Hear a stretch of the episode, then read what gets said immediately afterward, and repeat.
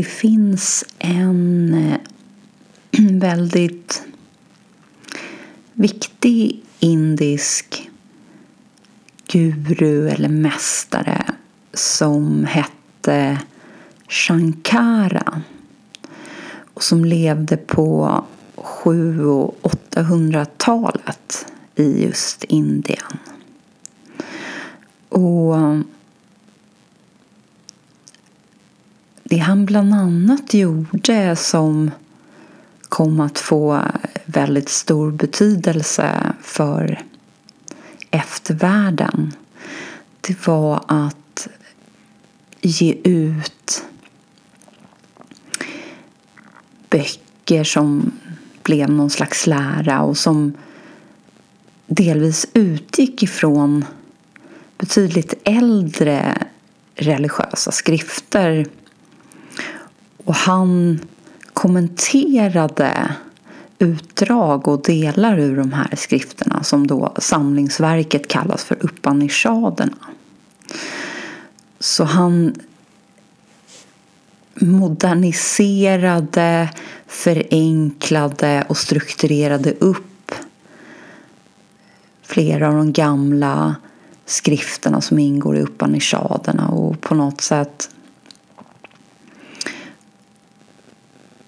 bringade liv i dem lite grann igen och också anpassade dem till sin tid och till de människor som han hade omkring sig och som såg sig själva som hans anhängare eller hans lärjungar. Så att han hade en stark strävan att människor verkligen skulle nå fram. Och många hävdar just att hittills så är det tre stora hörnstenar i, i The Three Great Light of Indian Wisdom kallas det till och med för. Så att tre väldigt viktiga ljusbringare för, eller till indisk visdom. Och det är då dels de här gamla skrifterna, Upanishaderna och sen Buddha, den uppvaknade och sen då Shankara som man mer ser som den här vishetens lampa eller ljuset. Den som på något sätt bringade ljus till och liksom blåste liv i de här heliga gamla skrifterna och på något sätt fick läran att leva i sin samtid och även såklart för eftervärlden. Och Shankara klassas egentligen allt är koncept som vi vet men mer som någon slags filosof eller teosof snarare än eh, just eh, att han på något sätt hade någon ambition att grunda någon, någon slags religiös inriktning utan han gick väldigt brett och, och hans mål och hans strävan var hela tiden att förklara och förenkla och också skapa en struktur bland alla dessa olika texter och skrifter. Och han grundade också tre stora skolor som sen har levt vidare och blivit nästan som tre olika grenar eller vägar eller vad man ska säga nu. Ehm,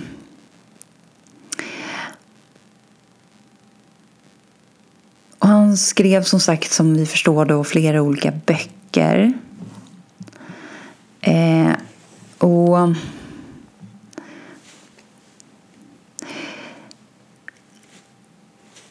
han har, dels har han listat eh, fyra olika, ja, vi kan kalla det lite grann för faser som han på något sätt då menar att en människa går igenom lite grann och som också kan vara en hjälp för människan att lite grann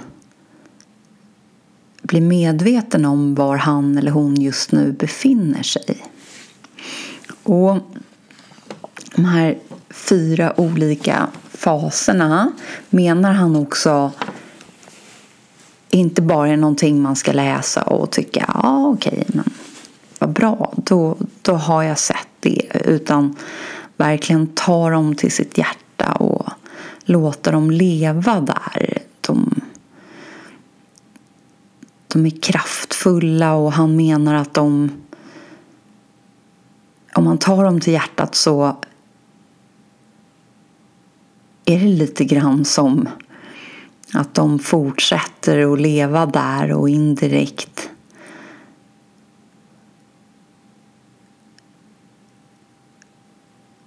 driver på en inre reningsprocess som till slut kan leda fram till att det här stora perspektivskiftet kan ske. Och Shankara är också tydlig med att den guru, oavsett vem eller vilka vi ser som våra gurus, så är de endast reflektioner eller speglingar av någonting som han kallar för the higher self or the inner guru. Så att någonstans pekar han hela tiden ändå in mot oss själva. Att det är där det är där det sker och det är också där skiftet sker. Så att vi inte ska fastna i yttre former helt enkelt. Utan inse att den eller de som kommer i vår väg och som vi uppfattar som gurus egentligen är reflektioner av någonting som är inom oss och som drivs inifrån. Och de här fyra faserna eh, kallar han då i engelsk översättning the four perfections. Och den första fasen handlar just om att faktiskt börja skilja mellan det som är varar och det som är flyktigt och som förgås någonstans. Så på något sätt komma fram till eller bli varse om eller få insikten om vad som faktiskt är beständigt och vad som är flyktigt och även eh, ja, det på något sätt har en väldigt kort existens eller en väldigt kort flyktig tillvaro i förhållande till det som är varaktigt. Och nästa fas handlar om dispassion. Alltså att på något sätt till slut nå någon slags tillstånd där det känns som att inte ens strävan efter något slags paradis finns där riktigt längre utan det, det är lite på samma sätt som vi har varit inne på det här med Buddha och Buddhas lära och när vi också till slut behöver lämna även begäret att nå fram till nirvana eller på något sätt hamna i paradiset eller säkerställa att det kommer ske utan kanske inte likgiltighet, en dålig översättning, men på något sätt inte längre uppleva oss ha någon speciellt begär som driver oss utan istället ett, ett lugn som infinner sig därför att begären lite grann har lämnat oss. Och nästa fas är då det han kallar för Six Graces som handlar om olika starka känslotillstånd eh, som vi inte behöver identifiera oss med egentligen. Men det det lite grann kommer över oss. Och det börjar då med någon slags eh, rastlös känsla som övergår så småningom i det sista tillståndet som då är longing for freedom. Eh, när den här lite grann elden börjar brinna som någonstans verkligen upplevs som att den kommer lite grann från ingenstans och helt plötsligt är den där och den är, går inte riktigt att eh, stoppa utan den, den, eh, den brinner allt mer och allt starkare och, och på något sätt bränner den också successivt det som lite grann har lämnats. Så att sanningen blir mer synlig och tydlig för oss.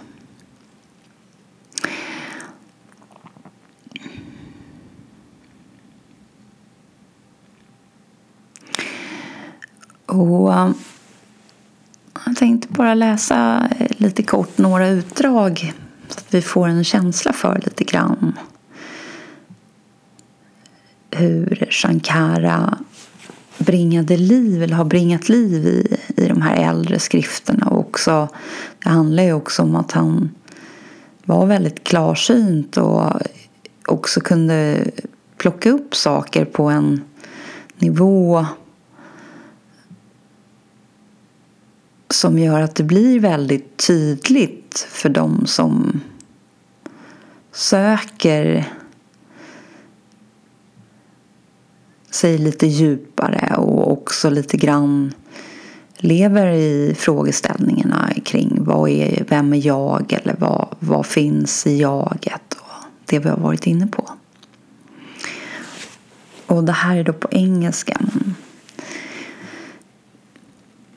Och flera av de här böckerna är just dialoger mellan någon slags lärare och någon elev. Och precis som vi pratade om Ashtavakra Gita i förra avsnittet som också är en dialog mellan Ashtavakra och Janaka. Så det blir det är en väldigt tilltalande form eh, därför att det synliggör på ett väldigt bra sätt de frågeställningar som, som kommer upp och också lite grann frågeställningarna kommer i olika insiktsfaser och där lärarens svar på något sätt kan hjälpa oss som, som den här eleven att komma vidare till nästa fas eller nästa nivå eller vad man nu ska kalla det för. Så det första här är då att läraren pratar lite grann om att man som då kan kopplas till det vi kanske har hört kallas för själ. Och, och sen har han då någonting som kallas för anatman som då är det lite grann falska jaget eller det skapade jaget, den skapade identiteten.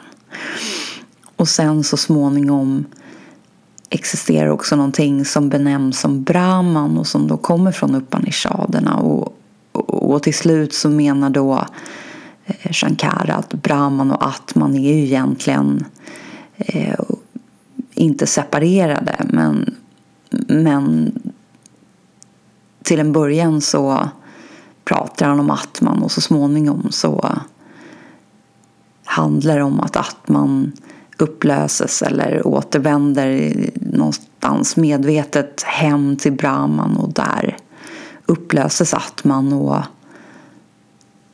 kvar är Brahman.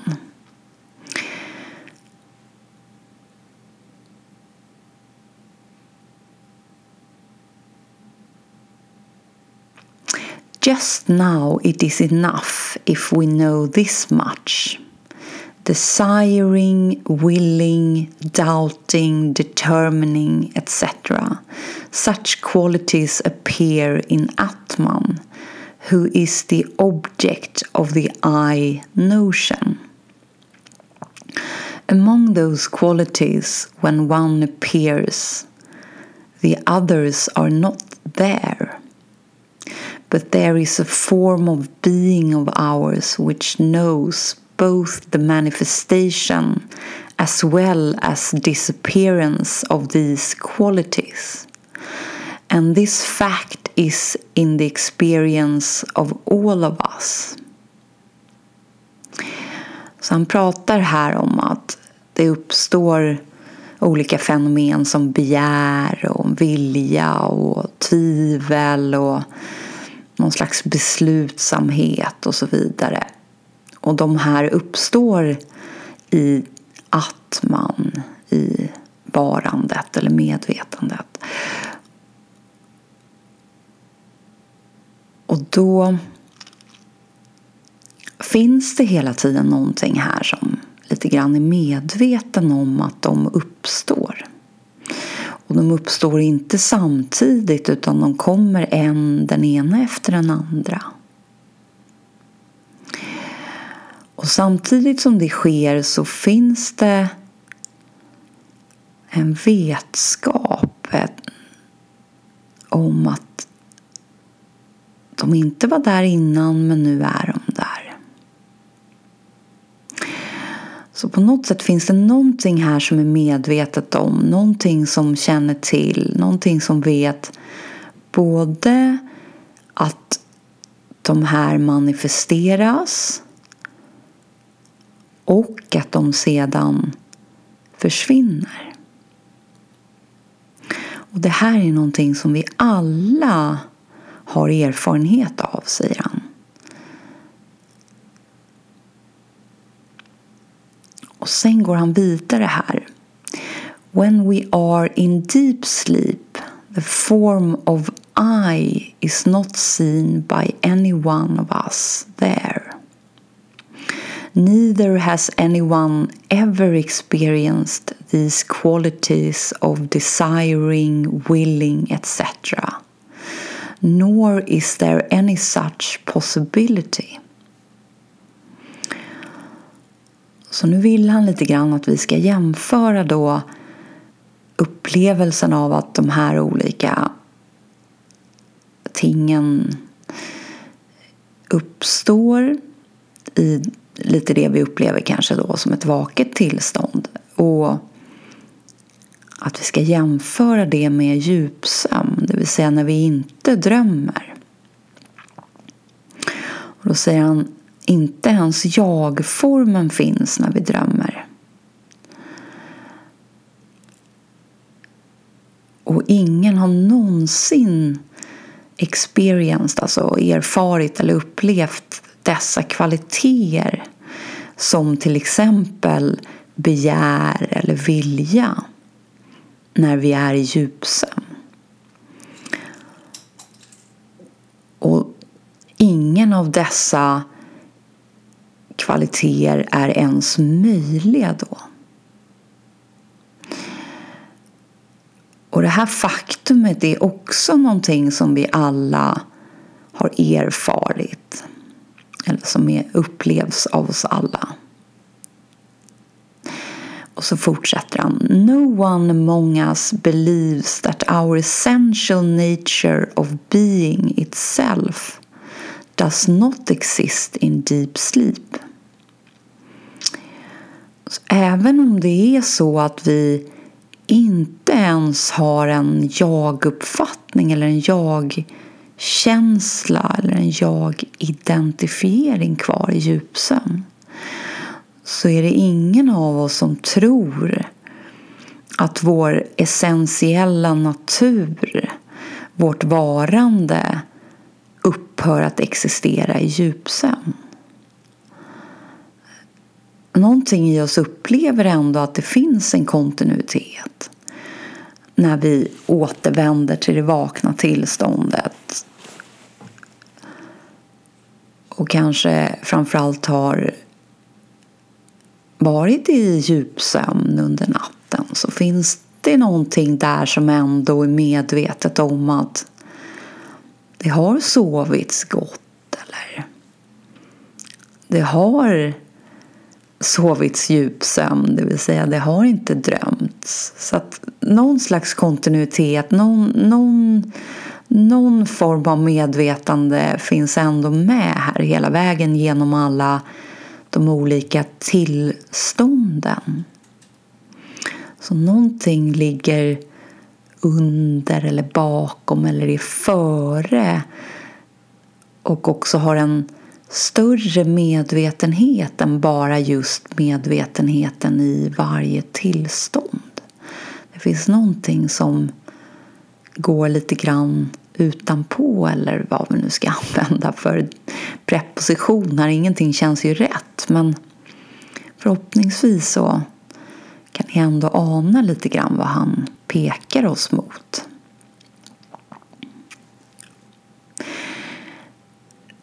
Så fortsätter han. Therefore it is evident that the form which is the basis of and which appears as the object of the I notion is not our essential nature of being. Så efter att ha konstaterat det här med medvetenheten i det så kallade vakna tillståndet och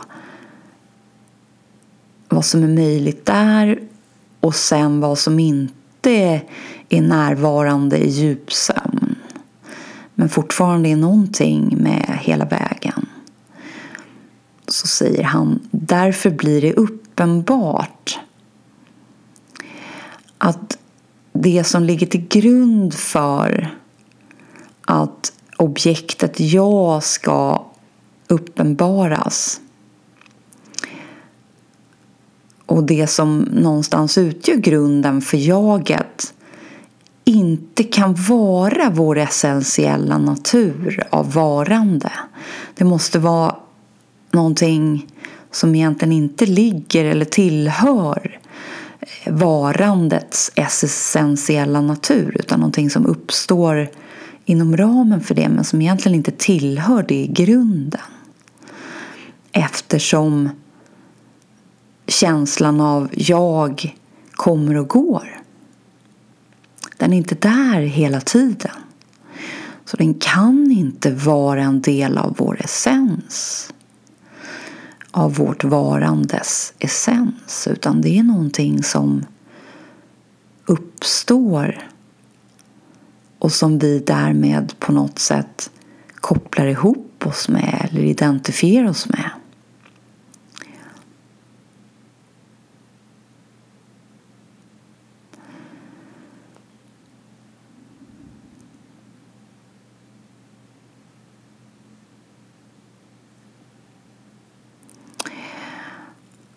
Och det här rena varandet eh, kallar han då för the innermost atman. Eh, det som någonstans är bortom jaget.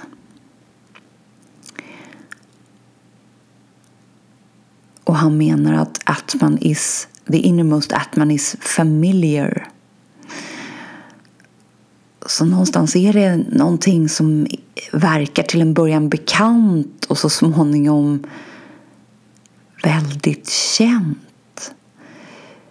Konstigt nog egentligen mycket mer känt och mycket mer naturligt än det andra.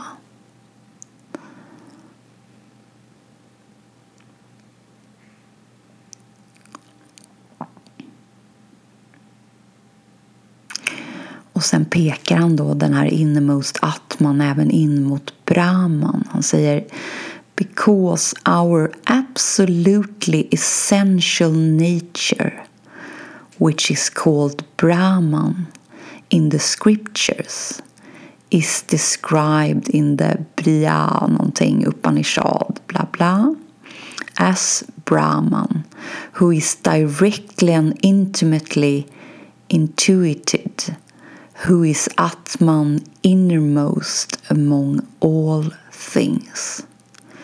It is the transcendental reality of our being without any interval or recess in between, what is not objective or external, that is innermost among all the selves that we have believed to be our form.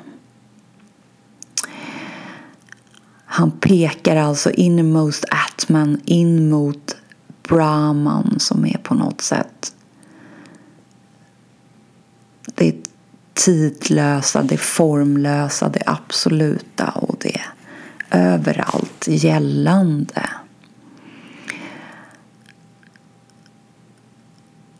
Det är egentligen vår sanna natur.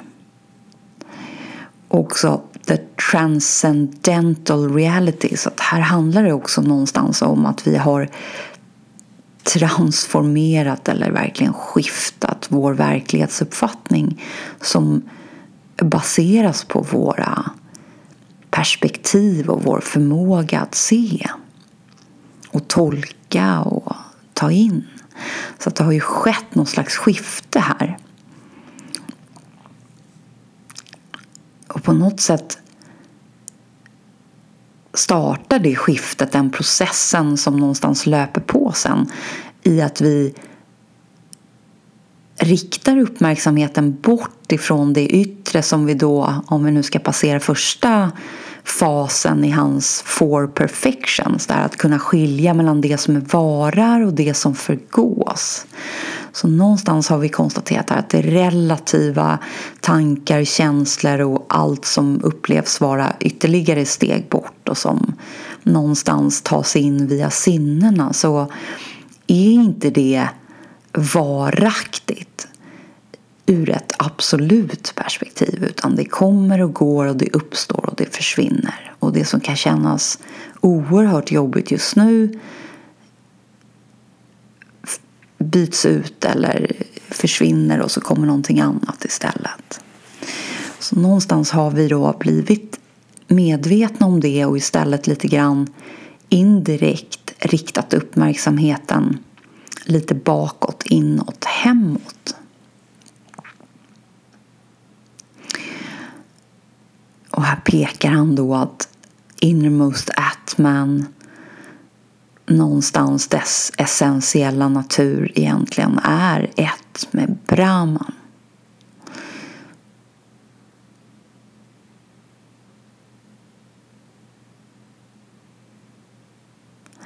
Och så säger han också Who is Atman innermost among all things? Så Brahman är också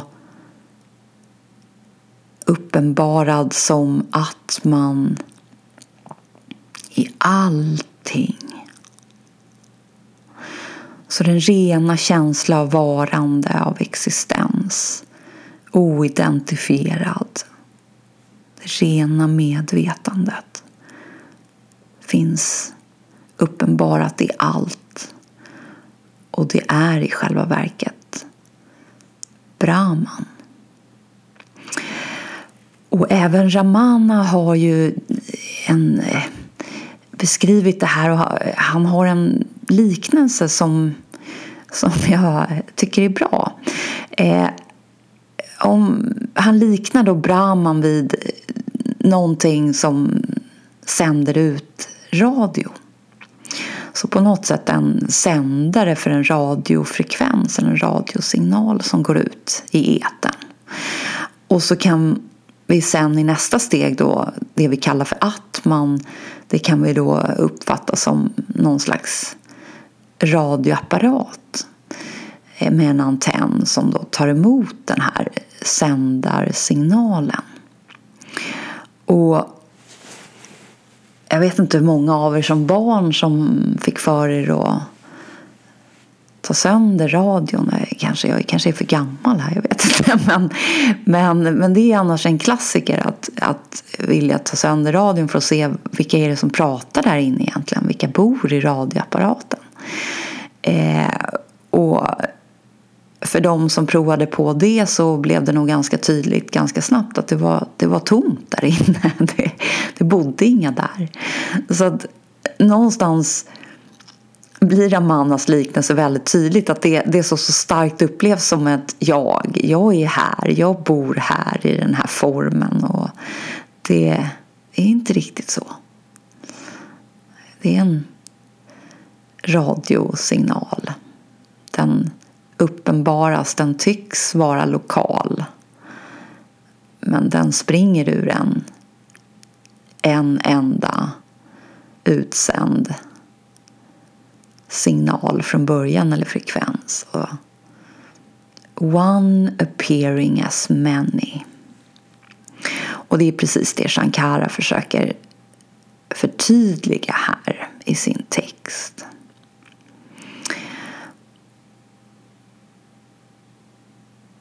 Och sen lite senare så pratar han om the main goal is removing the avidya or innate ignorance alone.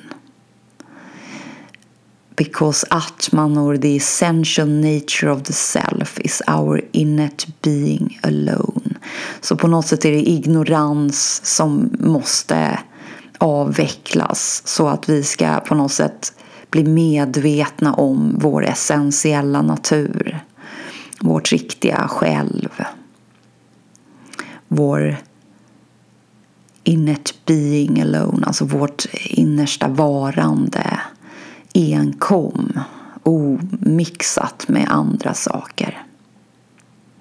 He is familiar only. Det är bara han som egentligen är familjär eller bekant eller känd till och med. Allt annat som vi identifierar oss med, och det här tror jag verkligen att vi alla kan känna igen oss i, det, det kan ju kännas verkligt ett tag. Men det är, låt säga att vi har en fas i våra liv där, där både vi och andra verkar uppleva oss som bra det är väl egentligen det vi har svårast att hålla kvar vid länge. Men, men vi, har, vi är där just nu. Vi har fått enormt mycket bekräftelse från andra och, och indirekt har vi också bekräftat inom oss själva att vi, vi gör rätt just nu. Vi är på rätt väg och vi, vi lever rätt och vi, vi är helt enkelt bra människor. Både framförallt ur andras ögon men även indirekt i våra egna ögon. Och någonstans skulle det där inte uppehållas av ytterligare bekräftelse utifrån och så småningom även inifrån, ja då skulle ju det där självdö ganska snabbt. Det kräver ju någon slags ständigt underhåll där vi går ut i världen och möter världen och får ytterligare bekräftelse på den här sanningen hela tiden. Så någonstans vi kan tro på det ett tag, vi kan leva i det ett tag men det, det är inte tillräckligt känt för att det ska stanna. Medan det här, det rena varandet, får vi, vänder vi uppmärksamheten lite hemåt, landar vi där, ja då inser vi väldigt snabbt att det, det känns väldigt bekant. Det känns väldigt hemtamt. Det, det känns mycket mer som det vi är och som det vi också kan jämfört med att vara bra människor, det vill säga framförallt och bra i andras tolkningar och i andras indirekt ögon. Så att det är väldigt familiar. Och Shankara befäster det ju på en ännu högre nivå. He is familiar only. Han gör det kraftfullt.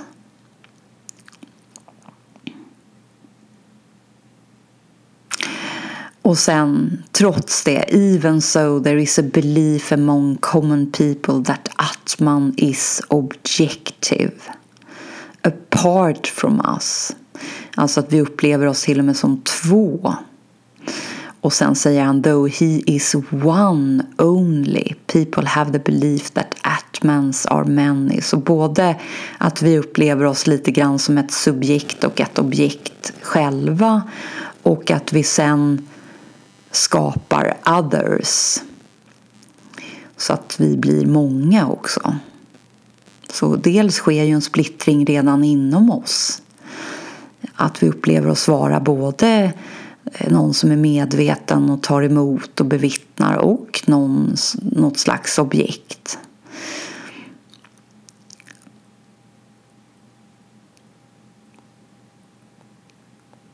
Och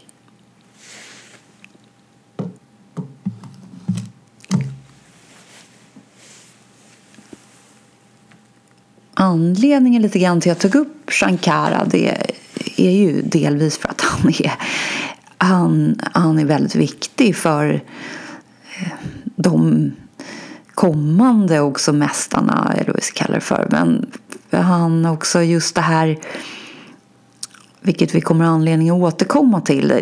Min upplevelse av att väldigt många pratar om sanningen på olika sätt och olika former. Eh, och inte minst eh, de som har kommit att kallas för då filosofer till exempel eller psykologer eller vad det nu kan vara. Att det är, även många av dem har verkligen grävt djupare eller plöjt djupare och, och någonstans gått inåt och utifrån det inre, den inre positionen försökt lite grann återigen se vad som verkligen kan befästas som sant och inte.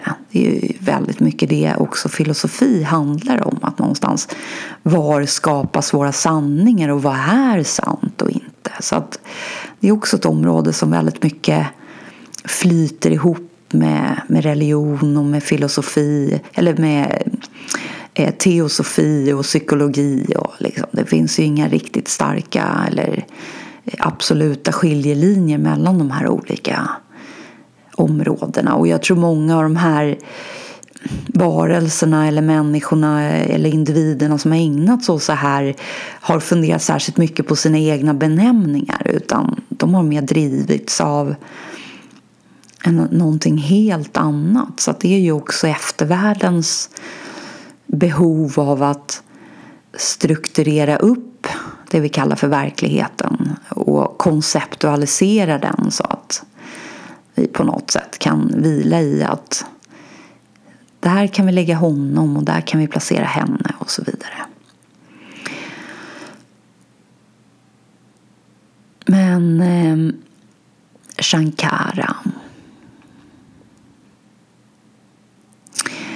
som någonstans står för the path of wisdom. Ni minns han kallas då för the light of wisdom.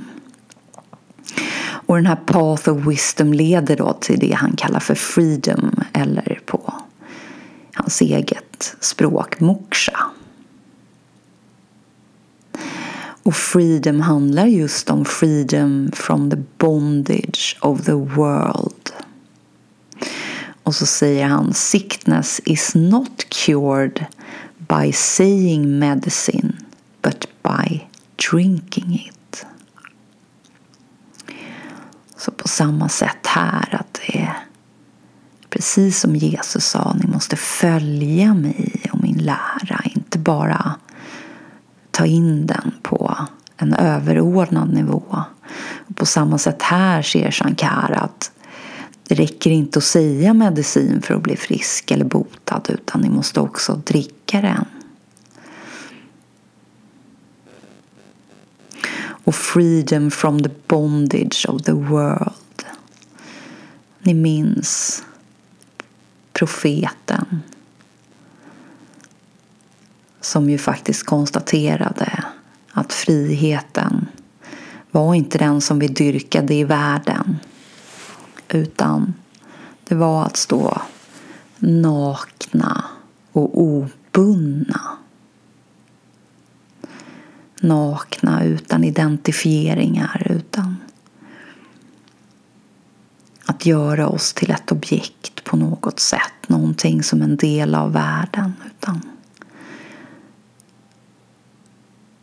rena i vårt varande och obundna utan kopplingar utan begär till världen egentligen därför att vi redan har frikopplat oss.